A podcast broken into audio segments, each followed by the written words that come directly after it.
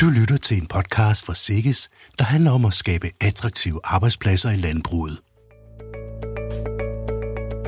Hver femte landmand mangler arbejdskraft, og udfordringen med at rekruttere og fastholde kvalificerede medarbejdere bliver ikke mindre i fremtiden. Vi er der i en kæmpe konkurrence, der er små overgange, og det er en trakt, der bare spidser til fuldstændig. Hvis landmændene vil være med i kampen om medarbejderne, så skal de have fokus på at investere i at skabe attraktive arbejdspladser. Det er okay at investere 10.000, hvis det giver 50.000 tilbage. Og det gør det. I denne podcast skal du møde tre landmænd, der alle arbejder med at gøre deres virksomhed til en attraktiv arbejdsplads. Din vært er Anja Kruse Christensen fra Sikkes. Jamen i dag skal vi snakke om landbruget som attraktiv arbejdsplads, og hvordan øh, I har fokus på at skabe en attraktiv arbejdsplads, og hvorfor det er vigtigt. Men øh, inden vi går i gang, så synes jeg lige, vi skal præsentere, hvem det er, vi har med. Så Dorte, vil du starte med at præsentere dig selv? Ja, det vil jeg gerne. Jeg hedder Dorte Himmelstrup. Jeg kommer fra Kokkenborg, som er en øh, opformeringsbesætning, jeg driver sammen med min mand. Vi har omkring 2300 søer, og vi har et par 20 øh, medarbejdere, og vi har været i gang med svineproduktion siden 1993, med, hvor vi startede med 100 søer, og så er vores virksomhed vokset til det, den er i dag. Så det har været en ledelsesrejse i det. Jeg hedder Anders Kabel og kommer fra Thyre.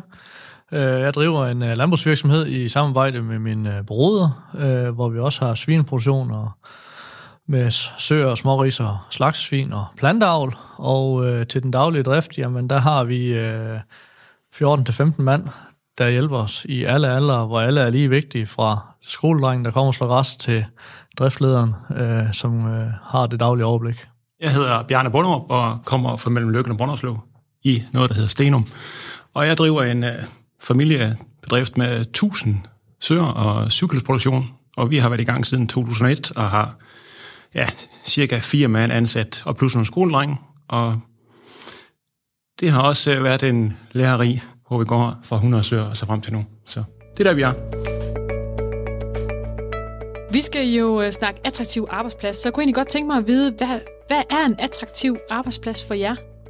Det er et sted, hvor medarbejderne de føler sig set og hørt og mødt, og hvor man har lyst til at investere i dem, og at vi kan, de kan udvikle sig både øh, fagligt og personligt, og vi kan gøre det sammen.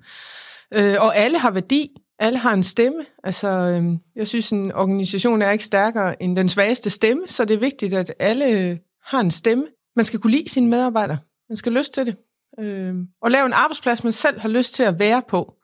Lav nogle... Øh, altså for os har det virket godt at skabe nogle, nogle faste rammer og øh, lave nogle attraktive arbejdstider, og øh, sådan at vi har stor respekt for, at øh, når medarbejderne tager hjem, så er de fri, og forsøge at skabe en arbejdsplads, der er på de her gennemsnitlige 37 timer om ugen. Øh, når man har weekendvagter, eller når noget går galt, så er man sandelig også overarbejdet hos os, men, men så skal det være rum til frihed på et andet tidspunkt, og have den rette mængde medarbejdere, det gør også, øh, synes vi, at virksomheden bliver mindre øh, sårbar, end hvis det hele tiden kører på pumperne, for så bliver du enormt sårbar, når du mangler en. Og du mangler en en gang imellem, for der er nogen, der bliver syge og ferie eller rejser, eller der sker noget. Så det synes jeg har været med til at skabe en attraktiv arbejdsplads. Attraktiv arbejdsplads, det er helt klart, som også står der omkring, øh, trivsel. Ordet trivsel øh, er jo en af de ord, som, øh, som, som siger rigtig meget. Er der trivsel på arbejdspladsen, jamen så er der også rigtig meget af arbejdspladsen, der fungerer. Og der tænker jeg rigtig meget af den tid, hvor medarbejderne er på arbejde, altså de der 37 timer i ugen, som Dorte siger, at der de er trivsel, at de har lysten til at møde ind, de har lysten til at være kreative i deres hoveder, og lysten til at udvikle virksomheden i samarbejde med ejere og resten af kollegaerne. Så øh, trivsel er det sådan øh, det simple ord, øh, som er ret bredt, men som giver værdi for, for virksomheden. Jeg synes jo, en stor del af det, Anders så siger, det er også, at øh, de klare fælles mål, det er øh, rigtig vigtigt for de her arbejdspladser i det størrelse, vi har, at øh, man hver uge kan sætte sig ned og se hinanden i øjnene og egentlig se, hvor vi er og hvor vi er på vej hen, og selv være klar over det. Det giver også værdi for os som ejere, men også for de mennesker, der er ansat der.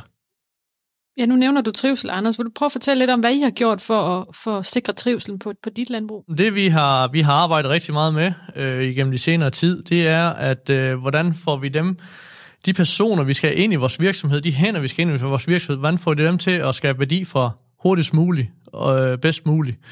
Øh, og værdi, det er at sige, at man kan de skabe en dækningsbidrag på bundlinjen, øh, fra, ikke fra dag et af, men øh, så gerne så hurtigt som muligt.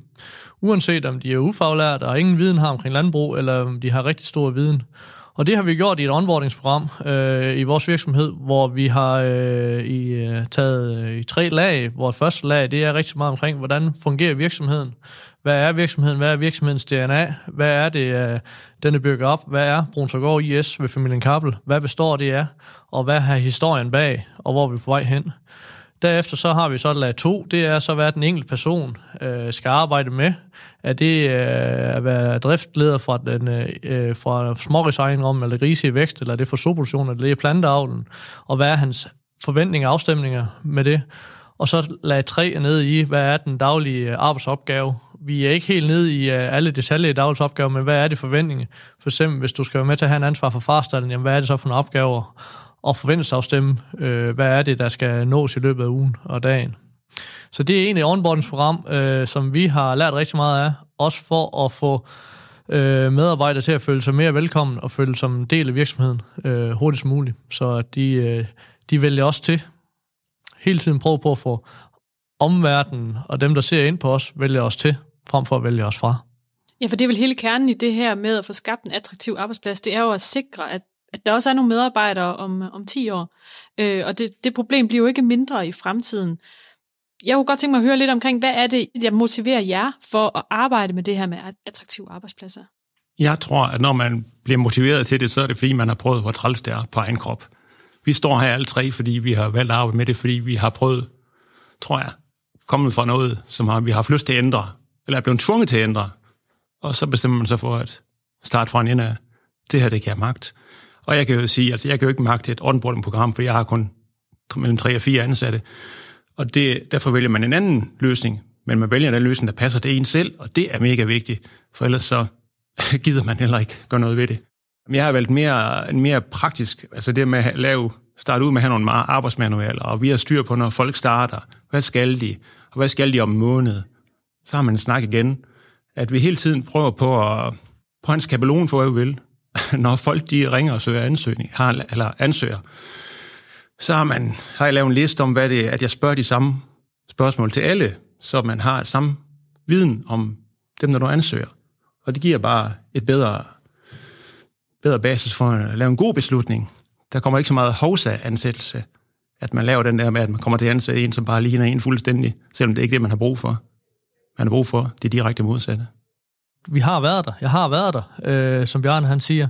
Øh, hvor hverdagen var træls. Øh, vi løb stærkere, stærkere, stærkere. Mig og min bror. Vi fik mindre og mindre ud af Og det er jo en, øh, må vi bare sige, det er en selvkendelse her år efter. At øh, vi troede også på, at da vi var yngre, og inden vi fik børn, kunne arbejde 24 timer i døgnet. Og troede, vi skabte en masse værdi. Men i bund og grund, vi skabte ingen værdi. Øh, og vi måtte erkende, at øh, vi blev nødt til at lade den her ledelsesform op, og så øh, få tid til vores medarbejdere, og få tid til at, at se, hvad der foregår i virksomheden. Og så det, som vores daglige tanke er, det er, at vores medarbejdere, de skal drifte vores virksomhed, uden vi er til stede. For mig var det en rejse i det her med, det startede faktisk lidt med det der med at have elever, hvor jeg sådan tænkte, at øh, i starten der var det sådan, at det var, nutidens unge var jo ikke ligesom dengang vi andre var unge, og det, og det begyndte at ændre sig, hvad det vil sige at have elever og sådan noget hvor jeg sådan øh, tænkte, jamen, så, så må jeg jo lære, hvad det er, de gerne vil have, indtil lige pludselig, jamen, så kom den der næste aha-oplevelse af, at det var jo det var simpelthen ikke eleverne, der var problemet, det var mig, der var problemet.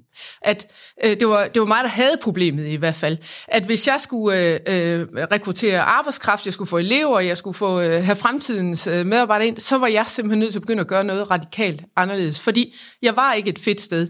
Så hvis jeg ville et fedt sted hen, så var jeg simpelthen nødt til at gøre noget andet. Så, så vil sige, for mig, der startede driveren egentlig i at, at begynde at, øh, med os selv som ledelse, og tænke, hvad er det for en virksomhed, vi vil have, hvad er det, vi gerne vil skabe, og så komme videre den rejse. Og så begyndte jeg at arbejde med de her disprofiler. Jeg fik det introduceret og fik forstået, at jamen, mennesker er forskellige, øh, og der er forskellige ting, der driver en i livet. Så jeg bruger disprofiler i dag, og, og selv uddanne i det, men det kan man jo også sagtens rekruttere nogen ind til det. Så, øh, men vi går aldrig ud og rekrutterer og siger, at jeg skal have en bestemt profil. Jeg tænker mere, godt når jeg sidder med en ansøger, men du har formodentlig den her profil, du vil have en tendens til at agere sådan, hvad vil det betyde ind i min organisation? Og så arbejder med det den måde, og spiller folk gode i det, de er gode til, og støtter dem i det, hvor de har brug for støtte. Det vi skal forstå i hele den her ledelsesverden her, fastholdelsesverden her, det er, at øh, vi bliver nødt til at investere os ind i det her, nøjagtigt som vi skal investere ind i noget i vores øh, produktion eller vores markbrug eller noget. Så vi er nødt til at investere ind i det her ledelse her. Det er både det følelsesmæssige, vi investerer ind i det, og, men lige så meget økonomisk også, at øh, det er okay at investere 10.000, hvis det giver 50.000 tilbage. Og det gør det. Øh, og har man ikke selv energien og overskud til at få gjort, så husk at spørge om hjælp. Altså, øh, jeg var heller ikke dygtig nok til at få det slået i gang, og jeg kunne bare se, øh, sige, hvem, hvem tror vi i vores netværk, der kan være med til at flytte det ledelsesmæssige her. Og personen fandt vi, øh, og vi har haft to personer inde med til det ledelse her. Og de personer, de har helt klart skabt værdi igennem vores virksomhed. Mindst lige så meget værdi, som vi har ved at investere i øh, nyt øh, fodringanlæg og fodringsanlæg og andre ting.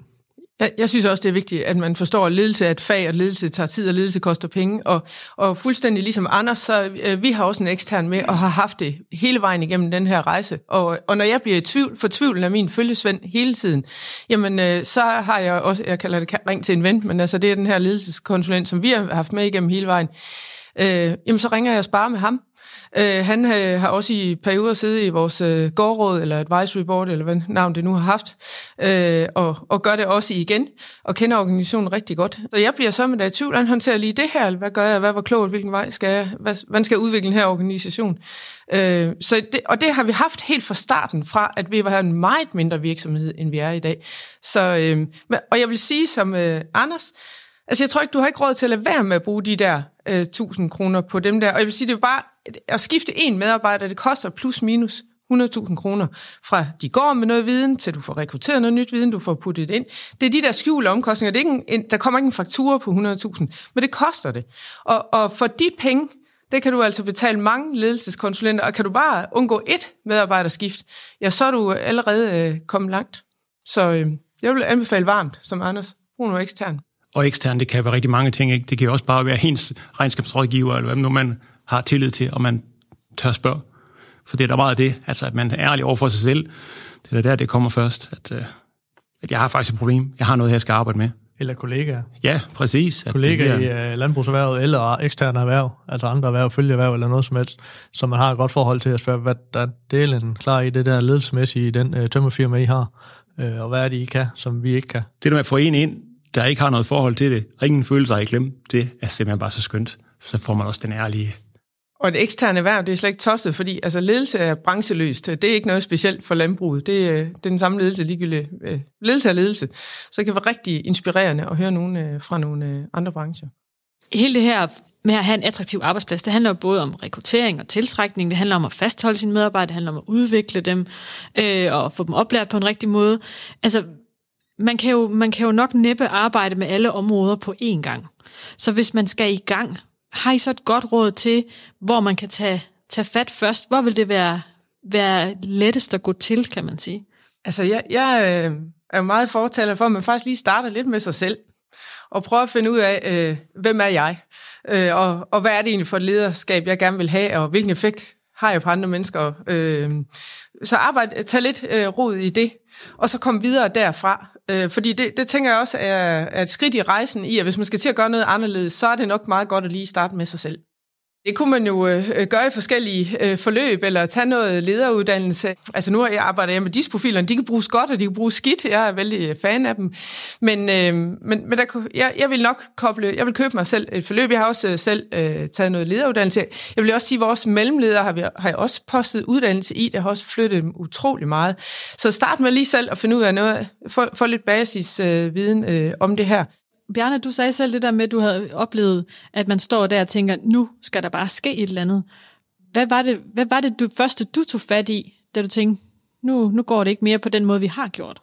Jamen, vi kunne bare mærke, at vi var presset arbejdsmæssigt, og man står nede i, i kælderen, man kan ikke nå op, man kan ikke rigtig ånde, og man kan ikke se, hvad fanden der er rigtigt eller forkert. Og så på en eller anden måde, så kom vi i gang med et strategiforløb, og det var ligesom, det var det, vi kom i gang med, og så fik man de her samtaler henover halvanden år næsten, hvor man så lige så stille blev styret i en retning, og dertil lagde man så nogle tilvalg på med nogle kurser, og nogle ting, vi ville have sat med skæringsdator på i stallen, det skulle være sådan og sådan, og så på den måde kom man i gang. Fordi det er der med at gå til det, det er ligesom man går til så meget andet, så skal det her altså også plejes.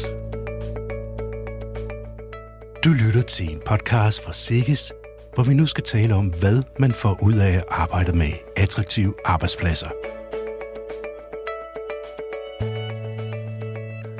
Altså når jeg har overskud og får sat den rigtige hold, jeg har is i maven til at få rekrutteret den øh, rigtige medarbejder, jeg får øh, bedrevet noget ordentlig ledelse og hjulpet dem hele organisationen med at bedrive noget ordentlig ledelse, så er det attraktivt at være der. Så er ikke alle de der medarbejdere skifter ro, jeg har en konstant produktion.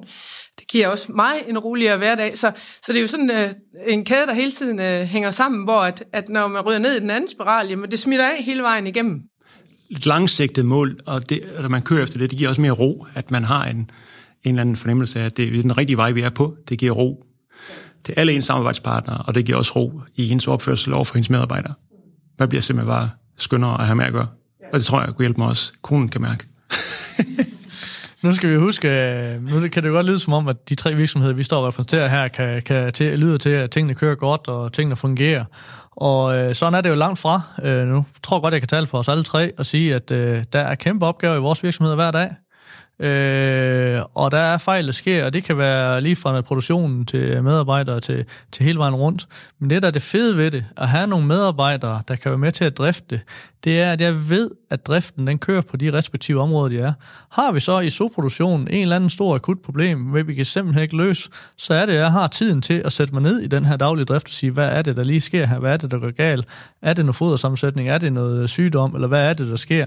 Så ved jeg stadigvæk, at plantavlen den kører 100%, og jeg ved stadigvæk, at grise vækst kører 100%. Øh, og så kan jeg løse den opgave, vi står over for lige nu i den her uge her, eller den her måned.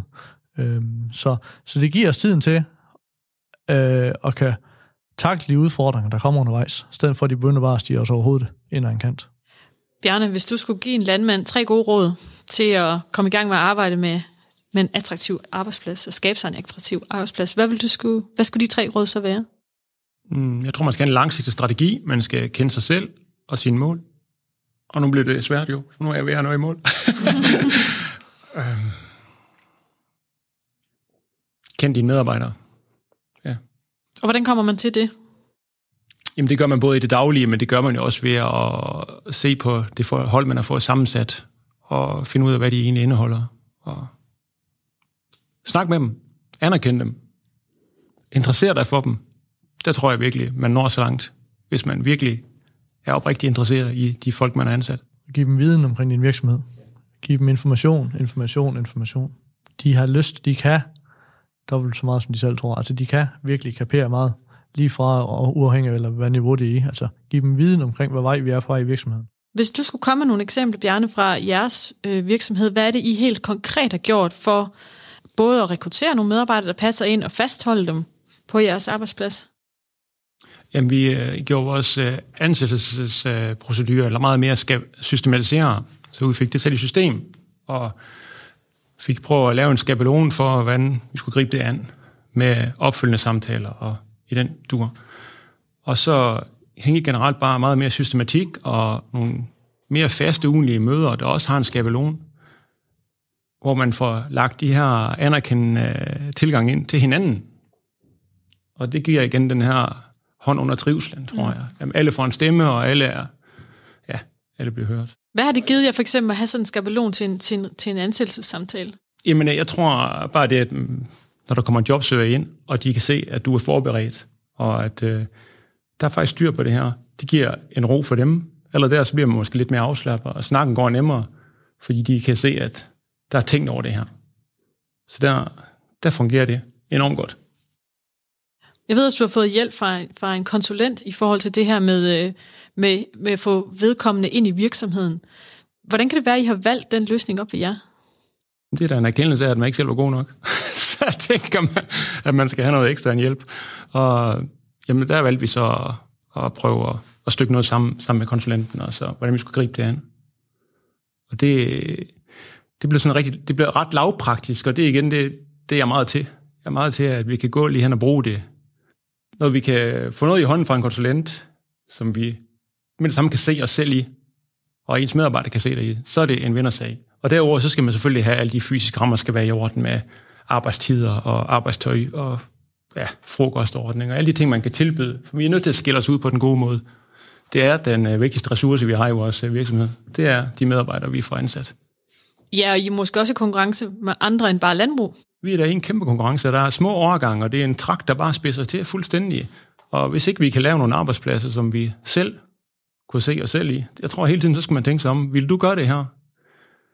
Øh, og det er også noget med at værditale de jobs, som vi har på virksomheden. Der synes jeg, vi har en kæmpe forpligtelse. At, øh, fordi der er jo ingen arbejdsopgaver, der er ligegyldige. Der kan være arbejdsopgaver, der måske ikke er så morsomme, men så er man nødt til at i tale dem, til at forstå folk, hvor vigtigt det er.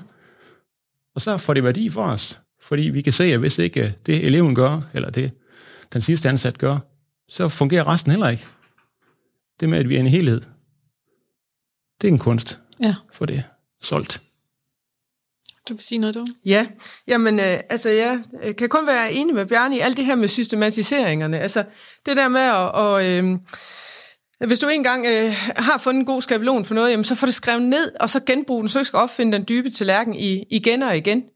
Øh, altså vi har det på mange områder, vi har også i forhold til det med, med elever for eksempel, jamen hvad er det egentlig en elev øh, kan forvente at lære øh, os, eller hvad er det vi har øh, forpligtet os til, at vi lærer en elev i de der forskellige praktikker, de er der. Men det kan også være det der med den nye ansatte, hvad er det, de skal igennem? Jamen skriv det ned en gang for alle, og så have det til at ligge på computeren, print den hver gang du får en ny øh, medarbejder, fordi at det er enormt svært. Vi skal huske alle mulige andre ting øh, om vores drift også. Få ting sat fast ind i kalenderen. Og jeg vil sige, vi har også en, en øh, mødestruktur, som vi, øh, vi prøver at holde. Det skal også helst være lavpraktisk, og det skal være operationelt. Det, altså, vi må ikke drukne os i møder. Og, men vi skal også huske, at det skal ikke kun være staldgangsmøder. Vi skal nemlig også en gang mellem ind og sidde ved skrivebordet med, med vores medarbejdere, for der får man talt øh, om noget andet. Øh, og så rigtig meget det der med at få lavet nogle faste rammer, så det er trygt for medarbejderne at være i det de skal ikke være i tvivl om, hvornår det er godt nok, fordi det øh, er så moderne at, være stresset. Det er i hvert fald noget af det, der er med til at skabe stress, hvis man ikke ved, hvornår det er godt nok. Øhm, vi planlægger også vores arbejdsvagt, arbejdsvagter, nu laver vi faktisk et år frem, øh, hvornår man har weekendvagt, og hvornår man har helligdagsvagt, og, øh, og så er jeg rigtig enig med Bjarne i det der med at tale jobbene op, fordi at hvis en, der passer gris, er en vidensmedarbejder, i stedet for at være the castration man, der er pokker til forskel øh, i det, og, øh, og man kan sagtens øh, netop ved at, i tale hvor vigtigt det er, få det talt op. Og så vil jeg også godt lov at sige, at, øh, at jeg synes, altså vi tænker meget øh, vores, altså, det er som en virksomhed, og ikke som et landbrug. Øh, og jeg forsøger også at tænke øh, kommercielt, altså jeg tillader mig at gå ud og tænke, at jeg skal gøre mig attraktiv. Jeg skal, jeg skal også få øh, det omgivende samfund til at synes, at det her det er en, en spændende virksomhed, og, og der styr på tingene. For jeg synes, vi har tabt øh, samfundskontakten, så, så jeg forsøger også at, at samle noget samfundskontakt op omkring mig. Øh, og det, jeg har jo snakket med jobcenter og sådan noget, men, også, men det kan også være skolerne, alt det der, at vi bliver bevidste om, at det, det er et helhedsbillede, øh, i øh, at være attraktiv som arbejdsplads, og det ry, man skal, skal skabe sig øh, hele vejen rundt. Vi skal huske det her med karrierevej. Øh, den her karrierevej, øh, har vi en kæmpe mulighed for i dansk landbrug. Kan man sige, at det er en karrierevej ved McDonald's, ved at de står inde på en burger, og står og øh, laver burger den ene efter den anden, og sender den ud, øh, og det kan blive en karrierevej, eller man går ned i Bilka og sætter øh, blomster op i blomsterafdelingen, og bagefter sætter man cola op i colaafdelingen, og så sætter man op. Hvis det kan være en karrierevej, så kan vi delen du også lave en kæmpe karrierevej i, øh, i dansk landbrug. Fordi det, man kan i McDonald's, det er, at man kan starte ved, øh, i den øh, byen, og så starte der øh, på den lokale McDonald's, og så kan man arbejde sig videre op i organisationen, og måske ende over i øh, San Francisco på hovedsædet og stå for hele Worldwide McDonald's. Men det kan vi faktisk også godt i den danske landbrug, og der er så mange øh, muligheder i øh, karrierevej i, i dansk landbrug i ekstremt fede, attraktive stillinger. Så vi skal virkelig huske at, øh, at prioritere den her karrierevej i, i dansk landbrug og følgeerhverv, der, der, der, der ligger der til. Jeg tror, vi er kommet rigtig godt omkring øh, emnet. Jeg vil gerne sige tusind tak, fordi I har øh, lyst til at medvirke. Jeg håber, at det har givet noget inspiration til andre landmænd, hvordan man kan arbejde med at skabe sig en attraktiv arbejdsplads. Du har lyttet til en podcast fra Sikkes.